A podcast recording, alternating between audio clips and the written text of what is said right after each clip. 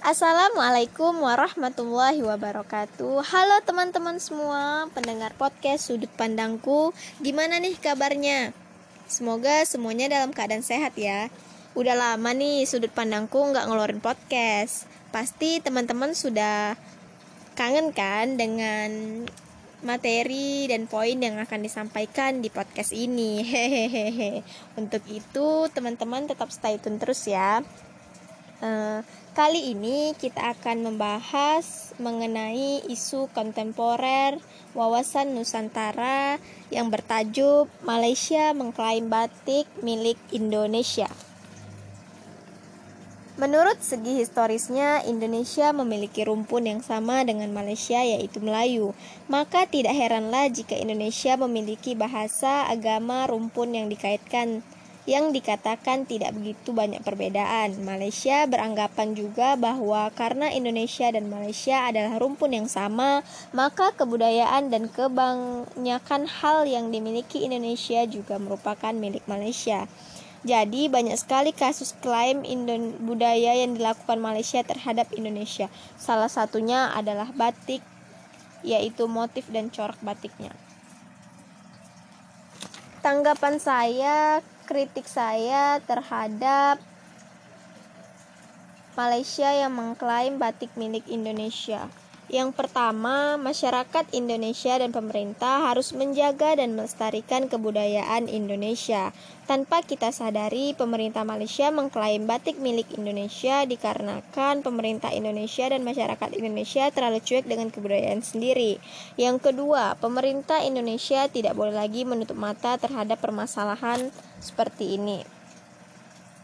Ya, batik adalah warisan budaya Indonesia yang harus dilestarikan. Sebagai warisan budaya, keindahan batik juga telah diakui dunia. Beberapa tokoh dunia pernah menggunakan batik Indonesia dalam berbagai kesempatan seperti Nelson Mandela, Barack Obama, dan Bill Gates. Bahkan Nelson Mandela ketika di, disemayamkan menggunakan salah satu batik Indonesia kesayangannya. Wow. Dulu Malaysia pernah mengklaim batik adalah milik mereka. Polemik pun muncul akibat klaim negara jiran tersebut terhadap batik. Tahun 2008, pemerintah Indonesia tidak diam dengan klaim masyarakat tersebut. Pemerintah Indonesia pun mendaftarkan batik ke dalam jajaran daftar representatif budaya tak benda warisan menua UNESCO atau Presentative List of Intangible Cultural Heritage UNESCO untuk mendapatkan pengakuan res representatif sebagai warisan budaya. Proses yang ditempuh oleh pemerintah Indonesia terbilang cukup panjang, berawal pada 3 September 2008 dengan proses nominasi batik Indonesia ke UNESCO yang kemudian diterima secara resmi oleh UNESCO pada tahun 2009 pada tanggal 9 Januari 2019 untuk proses lebih lanjut.